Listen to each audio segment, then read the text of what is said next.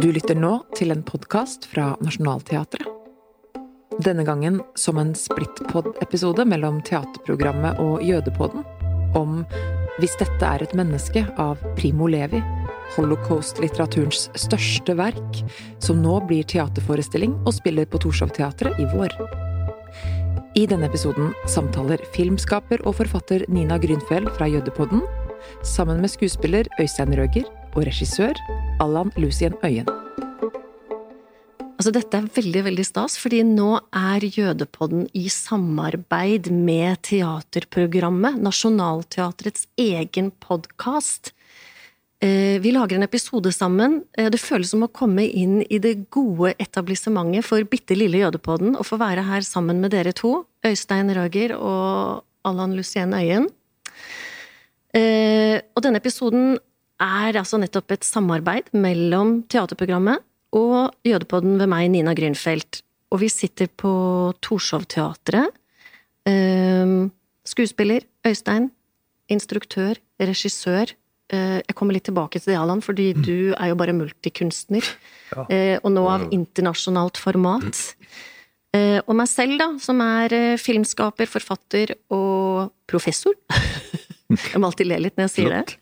Uh, ved Høgskolen i Innlandet.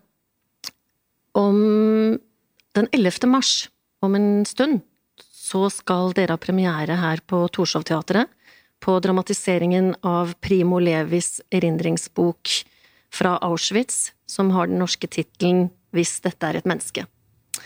Og denne boken den kom eh, først ut i 1946, og det gjør jo den boken til et utrolig viktig historisk dokument. Eh, fordi den kommer så raskt etter at krigen er over, og det gjør at den type historisk materiale har veldig stor grad av troverdighet. Og så er den jo fra et primærvitne, fra en som nettopp var til stede selv og opplevde hendelsene og de grusomme eh, eh, tilstandene selv. Levi han har beskrevet at eh, trangen til å la de andre få vite, eh, som et umiddelbart og absolutt behov, var helt påtrengende etter at han hadde vært i Auschwitz, og at dette kunne egentlig sammenlignes med et primærbehov.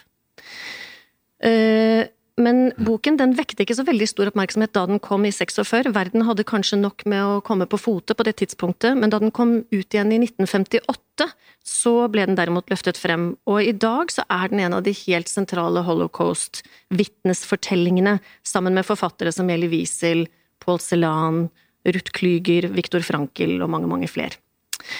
Litt grann kort om Primo Levi, dere, før vi begynner å prate sammen. Han ble født i 1919 i eh, den italienske byen Torino. Utdannet kjemiker. Og i 1943 så ble han partisan, eh, men arrestert og sendt til Auschwitz etter at tyskerne tok over den leiren han var blitt eh, satt til fange i. Og i Auschwitz så ble han fange nummer 1745-17. Og etter krigen så skrev Primo Levi to romaner og flere samlinger av noveller, essay og dikt, men er mest kjent for nettopp boken Sequesto eonomo, nemlig Hvis dette er et menneske. Levi døde i 1987, det har vært en del spekulasjoner på om han tok livet av seg eller ikke, men han gjorde nok ikke det, han led av depresjon hele livet. Eh, men hadde mange planer for fremtiden da han på et ulykksalig vis falt over et rekkverk ned en trapp og dessverre døde. Øystein, mm. du har tatt initiativ til denne forestillingen. Ja. Hvorfor sette opp Primo Levi her på Torshov i dag? Ja, det er et godt spørsmål. Og det er også noe jeg har tenkt mye over, eh, egentlig ganske lenge, fordi det er lenge siden jeg leste boken. Første gangen jeg fant meg et antikvariat i Oslo. Og så kom jeg på etter hvert at den har faktisk vært satt opp som monolog tidligere også, både i Sverige og Danmark etter hvert, og, men også andre steder, og Italia ikke minst. Uh, så jeg hadde lyst til å se på den en gang til. Og jeg Fordi jeg er opptatt av problematikken. Altså jeg er opptatt av hele den historien rundt dette, for det er en del av oss. Og det er en del av vår historie også. Og det er også noe som har blitt tydeligere etter hvert. Jeg syns det er viktig å, å, å, holde den historien oppe og frem. Og, og være et vitne også, selv om jeg selv ikke er jøde, så syns jeg den er viktig for, eh, for hele menneskehetens historie, egentlig. Fordi det er, eh, det er en sånn spesiell uh, hendelse i menneskehetens historie. Så jeg syns det er en historie som må fortelles. Mm. Uh, så den berører meg dypt på mange måter. Og så valgte du da å ta kontakt med Allan. Mm. Fortell litt, hva er relasjonen mellom dere to? Hvorfor Allan? Hvorfor tok du kontakt med han? Ja, for, det. Fordi Fordi eh, vi spilte i samme teaterstykke i Bergen ved DNS. Ja. Nei, det er ikke derfor, men det er faktisk sant. Det kom vi på etter hvert. Hvor lenge siden er det, da? 1989, kanskje. Ja, det er en stund Kardemommeby. Det viser at han var uh, Eselet eller uh, Remo, eller han, og jeg var Jesper. Jeg var, uh, det er ikke derfor jeg tok kontakt med Allan. Det var veldig morsomt å oppdage at vi faktisk hadde stått på scenen sammen. Jeg var bakdelen på Eselet. Ja. hvis vi skal... Men var det egenskap av å være danser, det, da, på den tiden? Nei, jeg tror ikke det var egenskap av noen ting. altså, han var veldig ung. Han var litt for gøy til å gå med, med for, fordelen. Nei, ja, men Det var en spøk, men det var veldig gøy å oppdage. Men nei, jeg har jo fulgt med Allan i flere år etter at han ble synlig som koreograf. Jeg fulgte ikke med som danser, egentlig. For, jeg, altså for det første så har, jeg jo mange ting å holde på med selv, så jeg rekker ikke å få med meg alt. Selv om jeg faktisk syns dans er interessant. Uh, Carte Blanche og andre. Men nei, jeg oppdaget uh, at han koreograferte og satte opp store forestillinger. og jeg fikk sett bare egentlig filmklipp av disse forestillingene, men det så helt fantastisk ut. Universet. Det minte meg om minner meg litt om Pina Bausch innimellom. Det, det er kanskje et kompliment, men Den store ja, tyske ja, koreografen. Og, og, men det er noe med den menneskeligheten i, i hans, altså den måten han tenker på. Den, den uh, interessen for det å være mennesker. Og det mm. å være Ja, tilhøre mm. menneskeheten, på en måte. Hva er det? Og det syns jeg gjennomlyser det han arbeider med. og det, Ikke minst når jeg nå fikk se Hamlet-kompleks så kjente jeg akkurat det samme igjen der også. Det er eh, en enorm seriøsitet, men med, blandet også med en letthet og humor og glede og eh, en veldig musikalitet som jeg falt for, jeg, og jeg ønsket da å jobbe med. Det har jeg gjort i flere år, egentlig. Vi skulle egentlig jobbet sammen tidligere òg, men det ble ikke noe av, for jeg kunne ikke. Riktig. Så nå fikk vi muligheten til det, og det er jeg veldig, veldig glad for. Ja, men Så bra. Hva tenkte du, Allan, da Øystein ringte? Altså, fordi du har jo gjort uh, mange forskjellige ting. Du er jo virkelig en multikunstner og en utrolig spennende Du er jo liksom vårt store eksport, vår store eksportvare i norsk kulturliv for tiden, er det ikke det? Har du akkurat vært i, i Paris også, satt opp en ja. stor forestilling der, så vidt jeg vet. Og jeg tenker at mange av dine forestillinger, uten at jeg kjenner dem alle sammen helt i detalj, de bærer jo preg av store ensembleforestillinger. Her snakker vi om et ja. enmannsshow. Så hva tenkte du da Øystein tok kontakt? Jo um nå er jeg veldig glad i monologformen, da. Og det er noe sånt sies. Og jeg har jo jeg har sett en del monologteater opp igjennom um, når jeg var liten, når vi jobbet sammen sist. når min far jobbet på, um, på teater i Bergen. Og så, så, mye. Så det er en sjanger som jeg er veldig begeistret for. Um, og sånn rent sånn arbeidsmessig så er, det, så er det deilig å få lov til å gå fra det ene til det andre. Det er litt av det som jeg syns er et privilegium som jeg har fått. Jeg har vært veldig heldig, og det er vanskelig å bekrefte det du sier der, men altså, jeg har jo gjort noen av de tingene du beskriver. Men, men det å få lov til å jobbe både med dans og teater, at man ja, øh, jobber i det store format, og så i helt motsatt retning i det lille formatet. Men, men, når det er sagt, så for meg så er det egentlig akkurat det samme om det er dans eller teater, eller om det er fire mennesker i salen eller 4000 så prøver vi å skape eller prøver, ja, prøver vi å skape noe som eh, menneskelig, som du sier. Det syns jeg var et godt kompliment, og det, det, er noe som jeg har vært sagt mye og opptatt av. Mm. Eh, ja. noe Øystein, menneskelig. Ja. Når, jeg bare tenker på Når Øystein er initiativtakeren, ja. da, hvordan er det da for deg som instruktør? Uh, har du et ferdig regikonsept rundt dette, oh, nei, eller jobber dere måte. dette frem sammen? Hvor, hvor, begynner dere hen? Altså, det, Bare den oppgaven, altså denne historien, var jo sånn Oi, ok. Ja, greit. Altså da, Ja. Å pakke hodet rundt og skulle fortelle noe så stort og noe så spesifikt, og som det er så mye festet ved, mm. og som er så viktig. Kanskje mest av alt. Hvordan trår man da? Men det det er jo en spennende oppgave. Jeg, jeg, begynner aldri med noen sannhet om hvordan jeg syns at dette bør og skal være på forhånd. Det må vi oppdage sammen, og det er jo det vi egentlig mm. gjør nå. Og dere gjorde jo kanskje det egentlig ved å legge, ta en reise til Auschwitz. Dere var ja. i Auschwitz i april i 2022, var dere ikke det? Jo. Mm. På hvilken måte har det påvirket eh, dette arbeidet?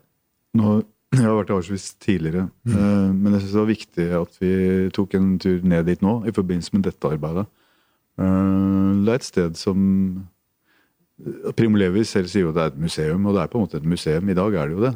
Men samtidig så har det jo den historien, og og den er det viktig at man på en måte også rett og slett kjenner på. Det, er, det har noe med alvor i det. Altså dette, dette, arbeidet kan man ikke gå inn i uten alvor. Eh, det må tas på alvor. Og da er det viktig å ha vært der og få en viss følelse av hva, hva det kan ha vært. Eh, så derfor så tok vi den turen ned dit i april. Og det var Hadde kaldt. du vært der før, Allan? Nei, det var første gang. Ja. Det føltes veldig viktig. Og det var en veldig sammensatt opplevelse. Ja. Det en veldig poetisk opplevelse. hvis jeg skal si det på Altså, jeg ble veldig konfrontert med Hvordan kan man beskrive det? Uh, altså den der enorme stringensen som ligger. Altså det estetisk tiltalende. Bare et fonten på glassvinduet uh, idet du kommer inn, og den der geometrien som gjentas overalt i leiren, med den smale bygningen og det skrå taket over som minner meg litt om sånn japansk estetikk og sånn eh, symbolikk derfra, som, som, jeg merker er veldig tiltrekkende. Mm. Og det at det, det, gjør også den roen som er der, da. Når sant skal sies, så måtte vi ta av hodetelefonene, for vi hadde en, en tolk. Jeg tenkte vi skulle makses, selvfølgelig, og få hele opplevelsen og skulle ha lydboken med oss, eller eh, lydguiden på, da. Mm. Og hun snakket nesten på innpust og utpust, så måtte ta hun av for å faktisk det ble for mye? Ja, anamme stedet. Og veldig mye av det hun sier, det vet, det vet mm. vi jo. Det kan vi. Ja. Men det å faktisk være der og se liksom, Der står det treet. Det treet har stått der en stund. Uh, det er mange som har sett på det treet der. Noe så, uh, der er det gjerdet, ja. Og så mm. selvfølgelig detaljene i det, som er helt uhyrlig. Som gjerne er ofte er sånn de enkleste tingene som, som Øystein har snakket mye om. Mm. Bredden på en seng. Mm. Eller mangel på seng fordi at du faktisk sover på gulvet. Og der er det stein og gjørme. Mm. Altså sånne ting ubegripelig. Ja, det er ubegripelig. Den der ståcellen var noe av det som, som hjemsøker meg fremdeles. Ja, den er forferdelig. Den er forferdelig. Mm. mm. Fordi det at inngangen til den er som en sånn uh, luke hvor man Kulluke i en, en fyrkjele. Mm. Og så går du inn, og så står du oppreist. Og gjerne flere stykker. Ja, opptil fire stykker. Er, mindre enn kvadratmeter. Ja, mindre enn kvadratmeter. Og der skal det fire mennesker stå. Og da ja, er det ofte at de dør pga. surstoff Eller det er ikke nok surstoff, mm. rett og slett. Så mm. dør man. Mm. Men det er, det er en ja. merkelig blanding av en slags normalitet. altså Det kan nesten se ut som en mm. slags Tøyen Hagebys altså det, det, ja, fordi det er, det er jo planter rundt det. Nå er det planter, men det var jo ikke det. Primo sa jo selv når han kom tilbake at, at nå er det jo plantet opp og gjort litt sånn mm. hyggelig. Så nå ser det nesten hyggelig ut, i de der eh, mursteinsgårdene som ligger der. Mm. Men det har jo vært helt annerledes der. Og den merkelige blandingen av en slags mm. normalitet og den galskapen, det, det, gjør det enda mer skremmende, egentlig. Ja, og jeg tror ikke jeg har vært der i april noen gang. Eh, det høres helt sånn absurd ut. April mm. i Auschwitz. Ja. Men eh, jeg har vært der på høsten, jeg har faktisk vært der på sommeren, eh, og jeg har også vært der på vinteren. Og min opplevelse er jo at det er ganske forskjellige opplevelser avhengig av når på året man er der. Og også selvfølgelig avhengig av hvor mange andre som er der samtidig. Mm.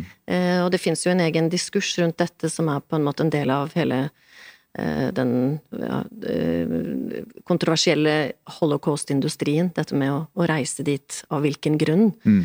Men, eh, men, eh, jeg vet ikke hvordan det var da dere var der. Følte dere at dere fikk gå i fred alene, eller dere, gikk dere i tog gjennom ja, Det var jo mye grupper som gikk rundt oss. Så, det gikk jo mye i en gruppe, ja, ikke sant? Som det var forstyrrende, som Allan sier, at det var mye snakking på headsetet.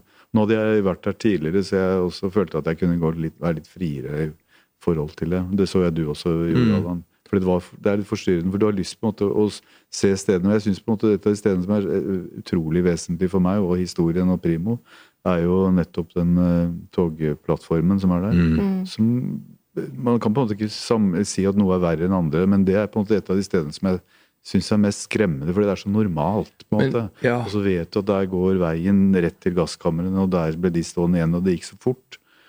Og det er et så skremmende sted å være, egentlig. Mm. Men det er skummelt å se at symbolikken nesten er mer emosjonelt opprivende enn praktikaliteten, som du kan sammenligne med Ullevål Hageby.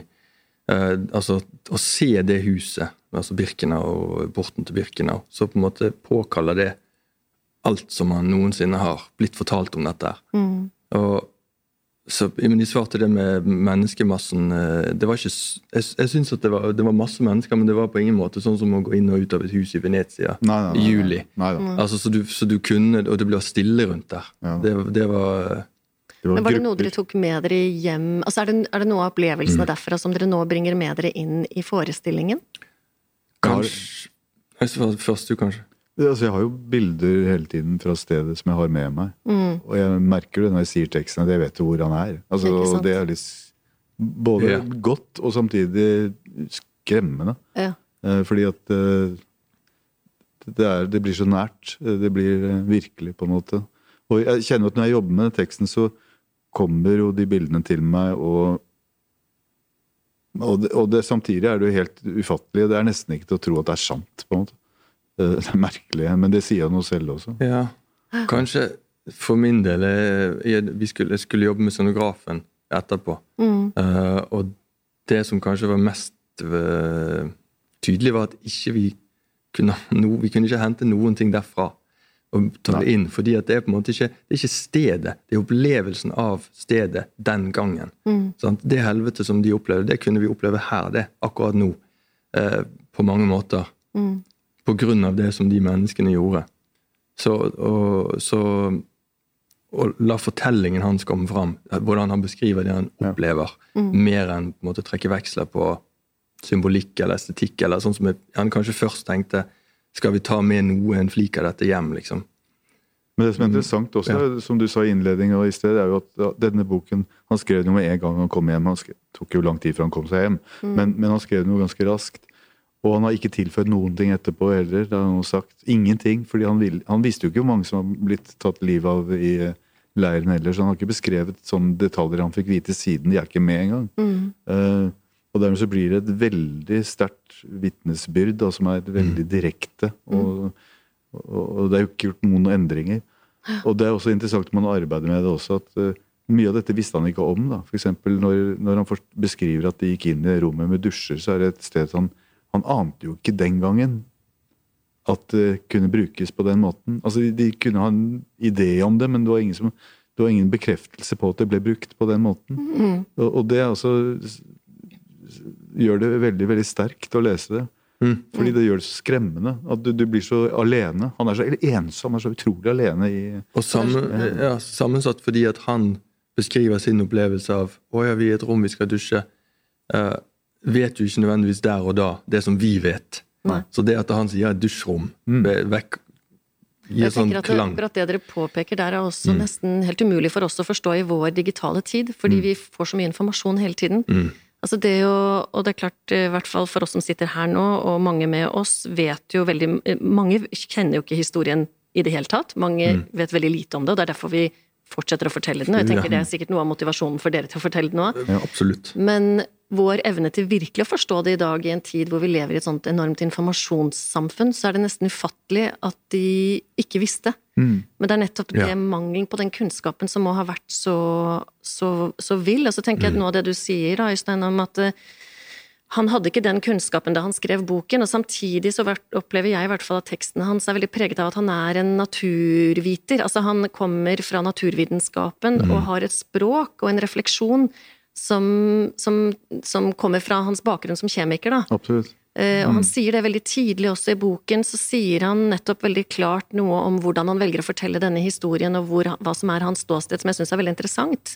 Og så tenker jeg det er helt naturlig for dere begge to som skal gjøre forestillingen, at dere er nødt til å ha vært der for å skjønne hva er geografien på en måte i, i fortellingen. Og samtidig så sier jo du, Øystein, at eh, du skal ikke spille han, du skal bare videreformidle. Men fortellingen er jo skrevet i jeg-person. Så hva gjør dere med det? Hvordan skal vi som publikum ikke oppleve det som en jeg-fortelling når det er en jeg-tekst? Nei, altså det, det er jo akkurat det arbeidet vi er i gang med nå. Veldig godt spørsmål. Fordi, ja, fordi det er, det er en jeg-tekst, og samtidig Jeg har ikke vært her, men han, Primo selv har vært der. Han sier at han er et vitne for det som har skjedd. Jeg vitner egentlig bare for Primo igjen, for noen må viderefortelle hans historie. Mm. Og så jo så kan man jo ikke unngå når man står på scenen og sier en tekst at publikum likevel kan begynne å identifisere deg med personen, og det kan ikke jeg noe for eller gjøre noe med. For jeg må jo fortelle denne historien som den er skrevet. Mm. Men, men vi må jo finne måter å gjøre det på som gjør at de skjønner at jeg ikke er primo. Og det er jo vår oppgave. Mm. Og det er jeg ikke heller, men jeg er et vitne. Ja. Hvilket jo i og for seg er helt på linje med hele den tradisjonen som blant annet Elie Wiesel snakker om, at den som har hørt en tidsvitne, et tidsvitne fortelle, blir selv et tidsvitne. Ja. Eh, At når når du har delt din erfaring med meg, så, så annammer jeg din erfaring og din, din kunnskap om det. Sant? Jeg, jeg er opptatt av at alle erfaringer vi har, er kunnskap, det er kompetanse. Det gir oss faktisk en makt i ordets kanskje beste betydning, da. At vi er berettiget til å kunne formidle noe videre, og at du du formidler Du, du påtar deg rollen som hans videre vitne, da. Ja, på en måte. Og det syns jeg er et ansvar som jeg syns er litt større. Jeg leste en artikkel i Stavanger Aftenblad i fjor, tror jeg det var, som, som grep meg veldig. Fordi, og det var jo akkurat mens jeg holdt på med disse tingene, så, så sier jo den personen at uh, Hva med alle disse som ikke er her, som skulle vært her? Mm. Og det er Det ga meg en veldig sterk opplevelse av et stort uh, savn. Mm. Det er mennesker som skulle ha vært her nå, og som skulle ha eh, brakt nye mennesker til verden og fortalt historien videre. Og de historiene er på en måte bare lukket Ja. og borte. Og da sier også Primo noe i teksten som er så sterk, for han sier at jeg eh, jeg får minnene av alle disse ansiktsløse menneskene tar jeg til meg. Disse som ikke har ansiktet lenger, men de, de bor inni meg. Mm. Og det er noe, noe der eh, vi på en måte har et ansvar da, for å vite hva, hva skjer når man, man gjør slike ting som det, dette, denne vanvittige utryddelsen. Så fjerner man kommende generasjoner. Man fjerner historien ikke bare bakfra, men forover. Ja, ja. Fremover. Altså jeg pleier jo ofte å, å ta en, en primolevisk tilnærming når jeg snakker om dette i foredrag osv., i forhold til tall. Fordi det var jo ca. 12 millioner jøder i Europa før andre verdenskrig, og halvparten ble drept. Mm. og resten valgte å forlate Europa til fordel for enten USA eller Israel eller andre steder. Eh, og i dag så er det vel kanskje drøyt én million jøder i Europa, men hadde alle blitt her, eh, og hatt den samme befolkningsveksten som befolkningen for øvrig, så skulle det jo ha vært kanskje et sted mellom 20 og 30 millioner. Altså 20-30 ganger flere enn det er, og det er et uh, pussig tankekors. Det er det. Men dere, Ja, tilbake til forestillingen dere jobber Ja, med. veldig. Men vi må tenke litt på det. Ja, Ja. det er litt sånn wow. Yes, yes, Ja. yes. yes. Ikke sant? Og hva hadde det gjort med oss? Altså, vi vet jo hvor sentral jødisk eh, kultur var i Polen, i Tyskland. eh, sant? Hvordan, hvordan ville teateret i Norge ha sett ut i dag hvis eh, norske jøder hadde vært eh, tre-fire ganger flere enn det vi er? Ja. Eh, hvem hadde du vært gift med, Øystein? Ja, eller Ja, eh, ja. Allan? Hvilke Ja, valg hadde du tatt? Men det er også når man går rundt i byer i Europa i dag, og så er det altså For eksempel å gå i Krakow er jo en spøkelsesby. Og det er jo helt forferdelig egentlig å gå der. For her er det synagoger, og det er restauranter, og det er ting som Altså de bruker på en måte hele den jødiske som en salgsvare, da. Mm. Og samtidig er det jo ikke en jøde igjen snart. Det er 200 igjen, tror jeg. 200 tror jeg fikk vite at det var. Og det hadde vært 70 000 her før krigen. Men det samme opplever flere andre byer. I Vilnius det samme. Det er tomme byer. Men det har vært, du ser at det har vært befolket av eh, jødisk kultur og mennesker. Ikke sant? Så, og det er, det er et tankekors. Absolutt. Mm. Dette kunne jeg snakket veldig mye om Ja. veldig lenge om, fordi det skjer jo ting Folk flytter på seg hele tiden, og Ja. nå flytter jo faktisk en del ut av Israel, for livet i Israel er så tøft. Mm. Eh, Så en del benytter seg faktisk av muligheten til å gjenopprette sine gamle familiestatsborgerskap da, i Polen, Tsjekkoslovakia, eller Tsjekkia og Slovakia, som det selvfølgelig er nå. ja. Tyskland, ikke minst. Berlin. Berlin har jeg hørt mange som kommer. Ikke Ja. sant? Men igjen, Yes. jeg skal Ja. prøve å Ja. dra oss tilbake til rommet her i, Ja. på Torshov, dere. Ja. Fordi jeg tenkte at ja, her skal dere gjøre Primo Levi. Ja. I dette rommet. Fordi dette er jo et amfiteater. Vi sitter her nå og ser oss rundt. Og Mhm. Det jo, kommer til å være publikum på alle bauger og kanter. Det er jo litt sånn livets sirkel, dette her. Mm. Men det må jo være ganske krevende, Allan. Altså, Hva sier du til Øystein når dere jobber i det rommet her? Hvordan, hvordan angriper dere dette rommet med denne forestillingen? At du skulle nå trykke liksom akkurat på fingeren rett i såret, liksom. Jo da. Nei, altså, jeg flytter meg rundt i ring, så det er jo lett for meg. Altså, men det er jo Øystein da, som hele tiden skal gjøre tilgjengeliggjøre fortellingen 360. Mm. Men det er um, Jeg syns ikke det er så problematisk. Det, det får du fint til. Iallfall enn så lenge. Så får vi se hvordan det går videre. da. Det er jo jeg som har jobben. Ja, det, det. Jeg har jo ikke fri et øyeblikk. Altså, jeg må jo stå her Jeg står her i hele forestillingen. Ja. Og det er over 50 sider med tekst. Ja. Det er en ekstrem stor oppgave. Mm. Jeg har aldri hatt så mye tekst noen gang. Uh, Men er det ikke sånn at man ofte legger Altså at man erindrer tekst i arrangementene? Altså at du vet at du skal til et sted? Eller hvordan, hvordan, hvordan jobber mm. dere i forhold til arrangementer og, og tekstforståelse i jo, dette men, rommet? Sant, dette her er en helt annen type teater. For det, for det første så er det viktig at uh, Hva skal jeg si for noe? Det er en type fortellerteater. Mm. Det er på en måte ikke noe man kan låse fast i type arrangement altså, Det er friere, på en måte. Jeg må også forholde meg til at det er et, et rom hvor det er publikum på alle kanter.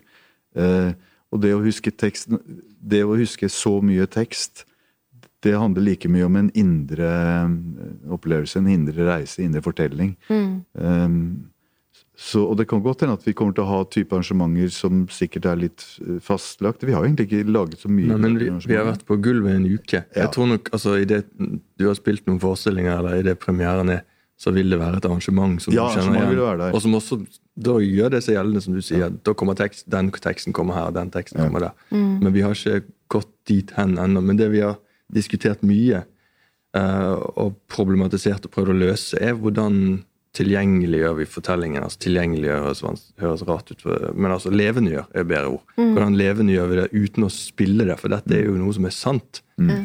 Ja, det tar vi veldig vare på, og det, det er noe som er, vi må ta med litt forsiktige hender. i løft, Være litt varsomme, tenker jeg. Mer enn vi kunne gjort.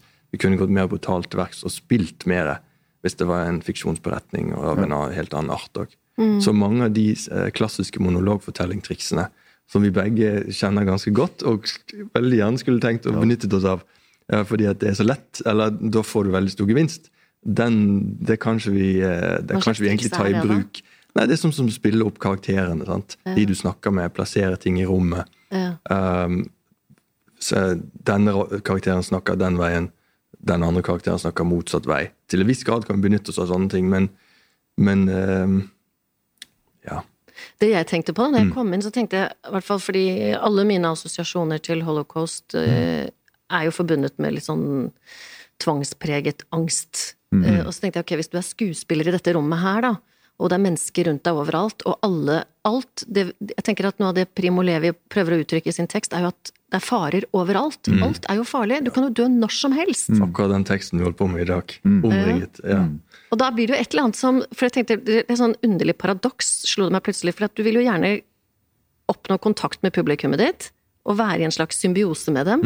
Samtidig som hvis du er i Primo Levis skikkelse, så er jo alt rundt deg farlig. Mm. Altså hvordan Skjønner du hva jeg mener? At, mm. Hvordan være skuespilleren midt på gulvet. Nå har jeg sett skissen til scenografien som ser kjempespennende ut. Ja, og det er den der symbolske vannkranen. Vi vet jo alle mm. hva vannet betydde mm. i Auschwitz, og ikke minst Primo Levi kom jo stadig tilbake mm. til vann også. Ja.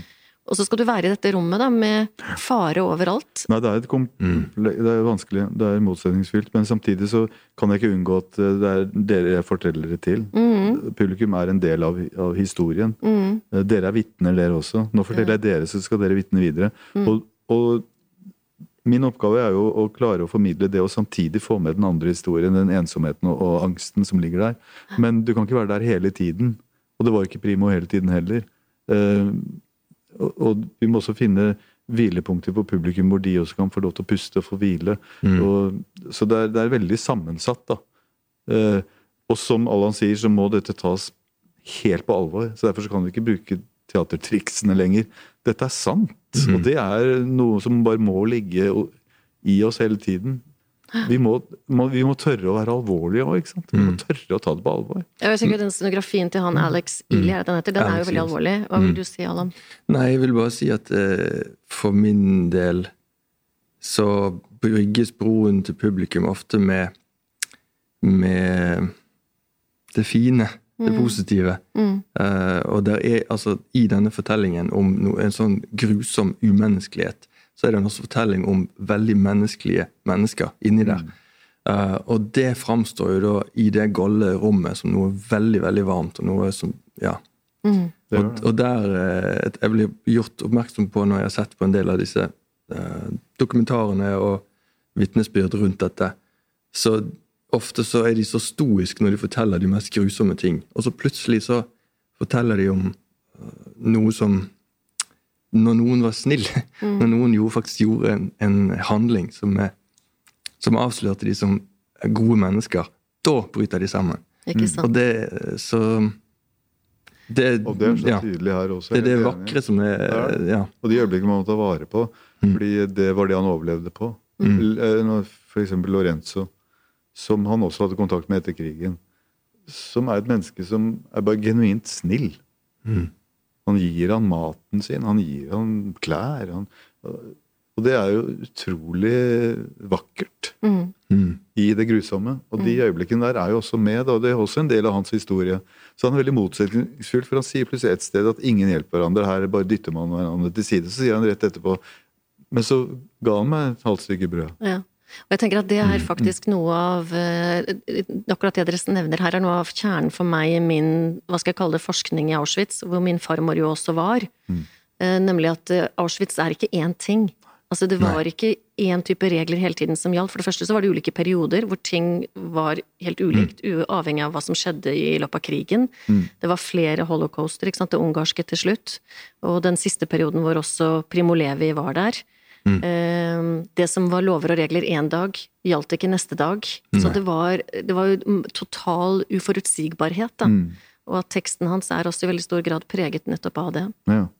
Men tenk, altså, kommer det til å bli en forestilling der det, er det, er det, Jobber dere med lys og Jeg lyd? skulle, ak jeg skulle akkurat til å si det. Det er jo noen ting da, som, er, som, er, som vi alltid må benytte oss av eh, når vi I hvert fall. Vi må jo ikke, men jeg velger i hvert fall å gjøre det. Muligheten er der i hvert fall. Ja, muligheten er der i hvert fall. Lys og lyd og musikk, Ja. eh, det er noe som er de, for meg alltid de sterkeste virkemidlene. Om Ja, det er lite format eller stort format. Um, og det skal vi selvfølgelig benytte oss av her. Og det, det syns jeg er berettiget for å artikulere det som, det som vi skal få fram. Det er med å skape bilder også, hjelpe publikum til å, å se bilder. Fordi, nettopp fordi det er gjort så enkelt, så er det fint å kunne bruke noen virkemidler som musikk, som jeg syns er ekstremt vesentlig. Og, så- og der vet jeg at eh, Allan er så utrolig dyktig med musikk. Det er jeg veldig glad for. Takk. Uh, så Jeg snakket det- det- det med kommunikasjonsavdelingen i morges om, eh, om formidlingen av prosjektet. da. Og så sa jeg jeg vet ikke helt hvordan dere skal kunne si dette her. For det kan man kanskje ikke si, men vi prøver jo å lage en forestilling, og i hvert fall når jeg setter meg ned i salen, så ønsker jeg å bli henført. Jeg ønsker å bli transportert vekk fra meg sjøl. Og det, det forandrer seg ikke denne gangen heller. Selv om det som er selv om det som vi får overvære, er sant. Nesten desto viktigere er det at vi faktisk lar oss transportere, helt inn i det vi ser. Så, men Det betyr ikke nødvendigvis at det blir underholdning likevel, men jeg håper at, eh, at vi klarer å skape en fortelling som ikke er bare informasjonen om hva som skjedde, men faktisk noe som er så rikt som det som han opplevde. da. Ikke sant? På godt og vondt. Og det er jo også godt. Ja. Som eh, For meg så er det når han eh, lakkmaker Han er en Ja, han nederlandske- 19, 19 år gammel gutt. så er det 17, 17. 20, 17. Mm. Som eh, Når de da eh, Tyskerne har dratt, og det er ti dager i vakuum før russerne kommer. Ja, For de ligger i Ja. syk på sykehus, KB. Ja, ja, det- ja riktig. Og han har, da prøver de å spise De har jo ikke vann, de smelter snø. Og så har de poteter, da, men han får spise seg, sant. For det at, og klarer, de har ikke kontroll over tarmene. Nei. Og våkner på natten i uh, med diaré og kommer ikke på do og sånn. Og, og den beskrivelsen av hvordan de da løfter han opp Ja. Tørker, han, tørker av han med halvmadrassen og, og legger han på plass igjen. Og så, Ja. så Med mors ømhet. Ja, ja. Som, ja, det er veldig sterkt. Ja, nå blir du rørt, Allan. ja, Det er en utrolig sterk og rørende det er det samme. Fordi at de Det er en Ja, Nei, Du får forklare det, du kan teksten. Nei, men at Selv i den situasjonen klarer de å, å være menneskelige. Og det er jo noe av det han viser da, gjennom teksten. At vi Å ikke, ikke miste sin menneskelighet. Og, og det er så lett å gjøre.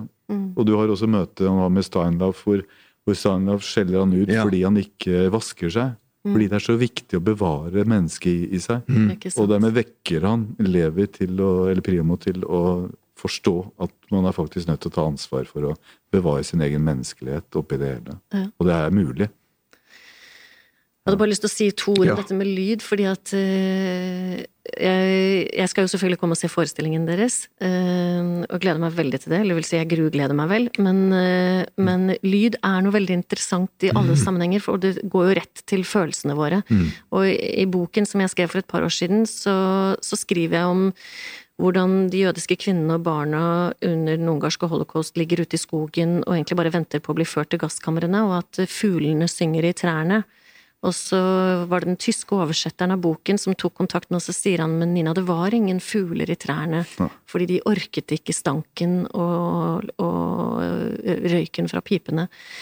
Eh, og han har sikkert rett, og han har også feil, ikke sant? fordi i perioder var det fugler, og andre perioder var det ikke det, for det var ingenting som alltid var det samme hele tiden. Men jeg tenker tilbake til Primo Levi, så tenker jeg at han tar også opp lyd eh, på ulike måter. Eh, det er fravær av lyd, og det er nærvær av lyd. Det er dette orkesteret, som jo denne absurde ideen som nazistene har om at det skal være et orkester som akkompagnerer de mest grusomme hendelser, enten det er henrettelser eller andre ting.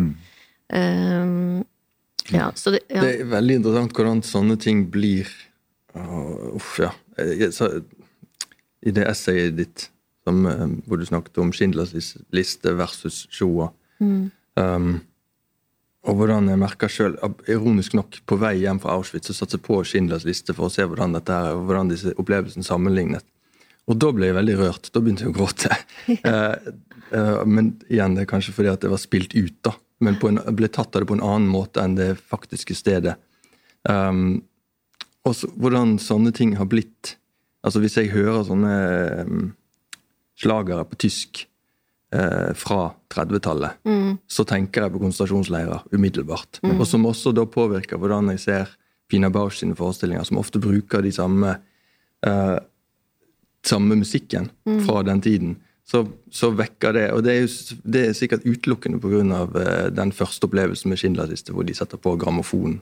Men det er jo den samme terroren med hornorkesteret og de polkalåtene som, som var Men, det, men eh, det er en interessant uh, Vurderer å bruke den der ene tangoen, som også blir brukt i Schindlers list, Nettopp. um, i en annen kontekst enn i filmen. da. Men Først så tenkte jeg nei, vi kan ikke bruke den pga. filmen, men så tenkte jeg kanskje nettopp pga. filmen. Fordi at det, det gir, det vekker et eller annet som Noe der bak som man husker. Um, ja. Men det du forteller meg nå, Allan, er jo at dere opererer jo med en rekke referanser. ja. eh, som jeg er litt nysgjerrig på. Vi, vi har snakket en stund allerede, dere. Tiden går så innmari fort, og jeg har litt, litt flere ting jeg har lyst til å ta opp med dere før vi skal runde av. Men jeg har lyst til bare Det du, det du viser til er akkurat nå som du pratet, eh, Allan, det var en, et essay jeg har skrevet, som du har fått lese. Ja. Eh, og hvor jeg da eh, egentlig snakker om egenerfaringer som jødisk, og å oppleve narrativene rundt holocaust fra den amerikanske serien Holocaust via Claude Landsmanns store dokumentarverk Shoah, og fram til eh, ja, både Spielberg og også Nemes sin eh, Sauls sønn osv. Eh, og dette er jo også et, en stor del av uh, forskningen og debatten rundt holocaust. Hvordan formidler vi holocaust? Hvordan forteller vi disse historiene? Uh, jeg tenker på deg, Øystein. Du har jo faktisk jobbet med denne tematikken ved flere anledninger. Altså I 2008 så var du med i Nationaltheatrets oppsetning av Dybuk, som Rita Abrahamsen hadde regi på. Ja. Du var med i Klassen vår, som var en fantastisk oppsetning på Nasjonal i 2015. Den gjorde utslettelig inntrykk på meg. Og selvfølgelig boken og historien som den er bygget på, da, med denne massakren i Edvabne i Polen i 41, Ja. der polakkene selv drepte sine naboer. Eh, Det må være et kjempetraume for Polen selv, for øvrig, eh, Mm. i den grad den blir anerkjent, for det blir den dessverre ikke hele tiden. Det var interessant når vi gjestet Warszawa med den. Ja, dere gjorde det, ja. Wow. Det ja, det, er, en- det er en egen pod, Øystein. Jeg får innkalle deg til en, en ny pod om det. Og du har også spilt til og med Adolf Eichmann. Uff, ja. Eh, og så tenker jeg, ikke sant, Når jeg sitter her med dere to, dere er jo ikke jødiske, rent bortsett fra at jeg mener at alle egentlig er litt jøder, da. Ja, ikke Men- sant? ja, nettopp. Og Jesus var jo også jøde, som Ja, vi vet. Er ja. Men jeg blir jo så glad over at dere tar dette til dere og vil lage denne forestillingen. Og samtidig så tenker jeg det er litt interessant å spørre seg hvordan oppleves det for dere å gjøre det dere, sant, når dere ikke har jødisk bakgrunn? Og vi er i en tid nå hvor vi snakker veldig mye om appropriasjon, og hvem har retten til å fortelle hvilken historie, osv. Ja. Hva tenker dere om det? Nei, altså det har jeg tenkt på det, fordi at eh, ja, i vår tid er det jo det ikke lov på en måte lenger. Men så tenker jeg, men da kan jeg like gjerne slutte som skuespiller også. Mm. For hva skal jeg gjøre? Da kan jeg bare spille meg selv til slutt. Mm. Uh, Så jeg har jo på en måte et, eh, et kall da, om å kunne fortelle historier. Eh, Hvis ikke så har jeg ikke noen grunn til å holde på med det jeg holder på med. Eh, Og hvis man gjør det på beste måte og med den beste vilje og ønske å, å virkelig formidle noe så må det jo egentlig det bare være en, en gest. da. Jeg mener Det må jo være fint hvis noen er interessert i ens, ens historie. Og jeg er veldig interessert i jødenes historie, og jeg syns det er Mm. Og hvis man har, har eh, det behovet, så må man få lov til å gjøre det. Og jeg påberoper meg ikke å være jøde eller kjenne jødens historie heller, men, men eh, jeg kan formidle en tekst eh, hvor en annen kjenner den, og så kan jeg formidle den videre så godt jeg kan. Mm. Så Men du kommer tilbake til den på mange vis, da. Altså, Ja. Du tar noen, noen valg, virker det som. Altså, Mm. sant? Spør du meg, så ville jeg jo sagt at det er jo mange store dramaer, alt fra de greske tragediene og videre oppover. Noen har jo sagt at komedie er lik tragedie pluss tid. ja. På et eller annet tidspunkt så blir kanskje også holocaust en komedie, og det har den i og for seg også allerede blitt. Mm. Mel Brooks har gjort det øh, morsomt flere ganger. Mm. Eh, kanskje mindre politisk korrekt i dag enn det det var på 70- og 80-tallet. Mm. Men, eh, men eh, what makes the two of you tick? Hvorfor ramler dere inn i denne, Men denne altså, det, har, altså, det har jo vært eh, så mye nå de siste årene med, med en, stadig økende antisemittisme, blant annet. Jeg syns de sidene også er interessante å ta i, og, og en av grunnene til at man må fortsette å, å fortelle dette, er fordi det er veldig mange som ikke vet. Er mange som ikke, flere og flere som ikke tror mm. på holocaust, f.eks. Mm. Og da syns jeg det er viktig at eh, jo, det, da, da må vi fortelle. Da må, da må vi fortelle enda en gang, da. Fordi man tenker på hvor få jøder I Norge tror jeg er det 1200 jøder som bor i hele Norge. Det er Ja, ikke det, det, det ca. 700 som er medlem av Det mosaiske trossamfunn, Ja. men vi er nok et sted mellom 1500 og 2000, kanskje. Ja. Mm. Det er ikke mange. Og likevel så får man, eh, får man eh, høre at, eh, at jødene står bak Eller det er mange konspirasjonsteorier omkring det å være jøde. Det er viktig at man hele tiden holder oppe historien som forteller den virkelige historien. Og også klare å skille mellom, mellom politikk og, og kultur eller, eller menneske. Og der er det mange som blander sammen, da, både Israels politikk og, og det å være jøde. Mm. Um, Primo Levi selv var jo ikke religiøs. Han var jo ateist, og samtidig så var han også imot uh, det israelske sty- styresettet. Han hadde mange ting han, uh, han uh, var uenig i måten Israel styrte på. Mm. Og det ville være hele tiden. Men jeg syns det er viktig hele tiden å, å I og med at disse historiene aldri gir seg, at konspirasjonen aldri gir seg, så må man fortsette å opplyse, rett og slett. Ja, jeg mener at eh, det er absolutt noe som har kommet opp flere ganger. som vi har tenkt er dette problematisk, eh, at vi forteller denne historien. Og altså, de som har opplevd dette direkte, de er nå i ferd med å forsvinne. Mm. Um, og da er det viktig først og fremst at historien fortelles. Mm. At den videreformidles til yngre generasjoner, og til alle som vil høre. Og så tenker jeg at det er jo egentlig vår historie. Ikke Det er historien om, vår, om menneskeheten. Mm. Um, og, det, og det som noen mennesker har gjort mot andre mennesker. Og fortellingen hans er jo så nøktern òg. Den er på en måte Det er ingenting i fortellingen, egentlig, som, som uh, handler om religionen, eller, eller som beskriver uh, disse menneskene i kraft av sin religion, eller sin eh, Det er bare, bare mennesker som blir utsatt for noe av andre mennesker. Så jeg tenkte, den historien den kan vi fortelle, og det um, Ja, fordi at det er også vår historie. Altså, Du var jo så vidt inne på det, Øystein, men uh, Primo Levi sa jo selv i et intervju med en engelsk journalist, at han, og da viste han til en samtale ja, det, han, altså det var en tysker som hadde sagt til han da i leiren i Auschwitz at uh, selv om noen av dere skulle overleve, så er det ingen som kommer til å tro dere. Mm. Eh, og det vil kanskje være mistanke, og det vil kanskje være diskusjoner og forskning utført av historikere osv., men ingenting vil være sikkert, fordi vi vil ødelegge alle bevisene sammen med dere. Mm. Det er på en måte kjernen av hele det som kanskje er noe av det aller mest smertefulle ved hele holocaust, nemlig at uh, jødene ble fraranet alt de eide og hadde. Verdiene deres ble brukt til å transportere dem til leirene. Verdiene og arbeidskraften, kroppene deres ble brukt til å bygge gasskamrene.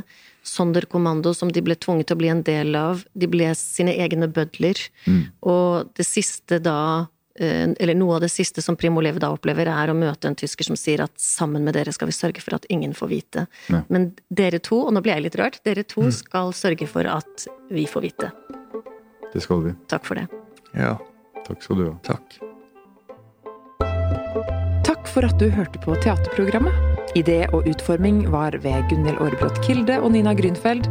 Lydtekniker og produsent var Olav Johansen.